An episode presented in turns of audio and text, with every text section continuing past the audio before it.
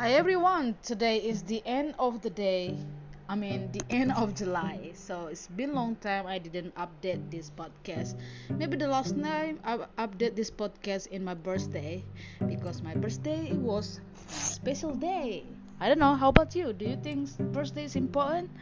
I'm not sure, but today because I don't have anyone to accompany me in this podcast, so let's talk about a paper paper that written in 1957 is quite old. Maybe the author is already passed away. I'm not sure. So the paper, the, the, the, the paper or the article entitled "Development of the Uchida Kraepelin Psychodiagnostic Test in Japan."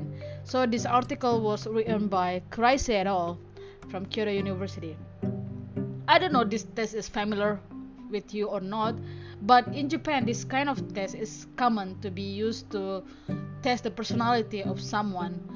Before the Uchida Kraepelin psychodiagnostic, test is exist, the former version, the name was Kraepelin test. But the difference between the Kraepelin test and Uchida Kraepelin test is the Kraepelin test is used for laboratory condition, but Uchida Kraepelin test the focus is to construct personality tests not only in the laboratory condition. Well, um, there are many factors that can we see from this Kraepelin test, but for you who cannot imagine, who cannot imagine what kind of test is this, so the Kraepelin test is like the the there are some question that you have to answer like additional question kind of arithmetic question but a really simple question. For example what is 2 plus 2 and you have to finish the task in each minute in every minute. So commonly there are two sessions of this test.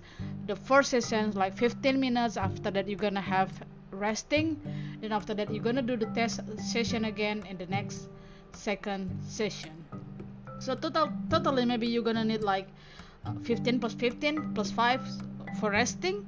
So it's gonna it's gonna be like 35% to do this test.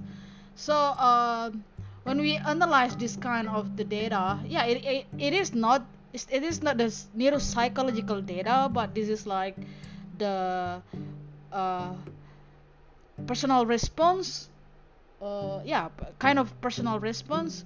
So we can see in every minute there are several type of curve that's gonna be occur in each subject. Normal curve usually we can see that in the beginning and in the last of the first session there is peak. And for the second session the performance of the subject become decrease. That is one of the normal curve. Uh, but anyway if you are interested with this paper with this article you can read that. You can download that and you can you can try to read and maybe someday you can take the test. And also this Uchida Kraepelin test also used for testing someone who have psych possibility to get schizophrenia. Uh, it mentioned that schizophrenia person usually will have like unstable condition because this kind of test also need attention and engagement even it is easy easy test. So yeah. Maybe that is the things that i can bring to the table today for updating this podcast. Yep. Okay see you next time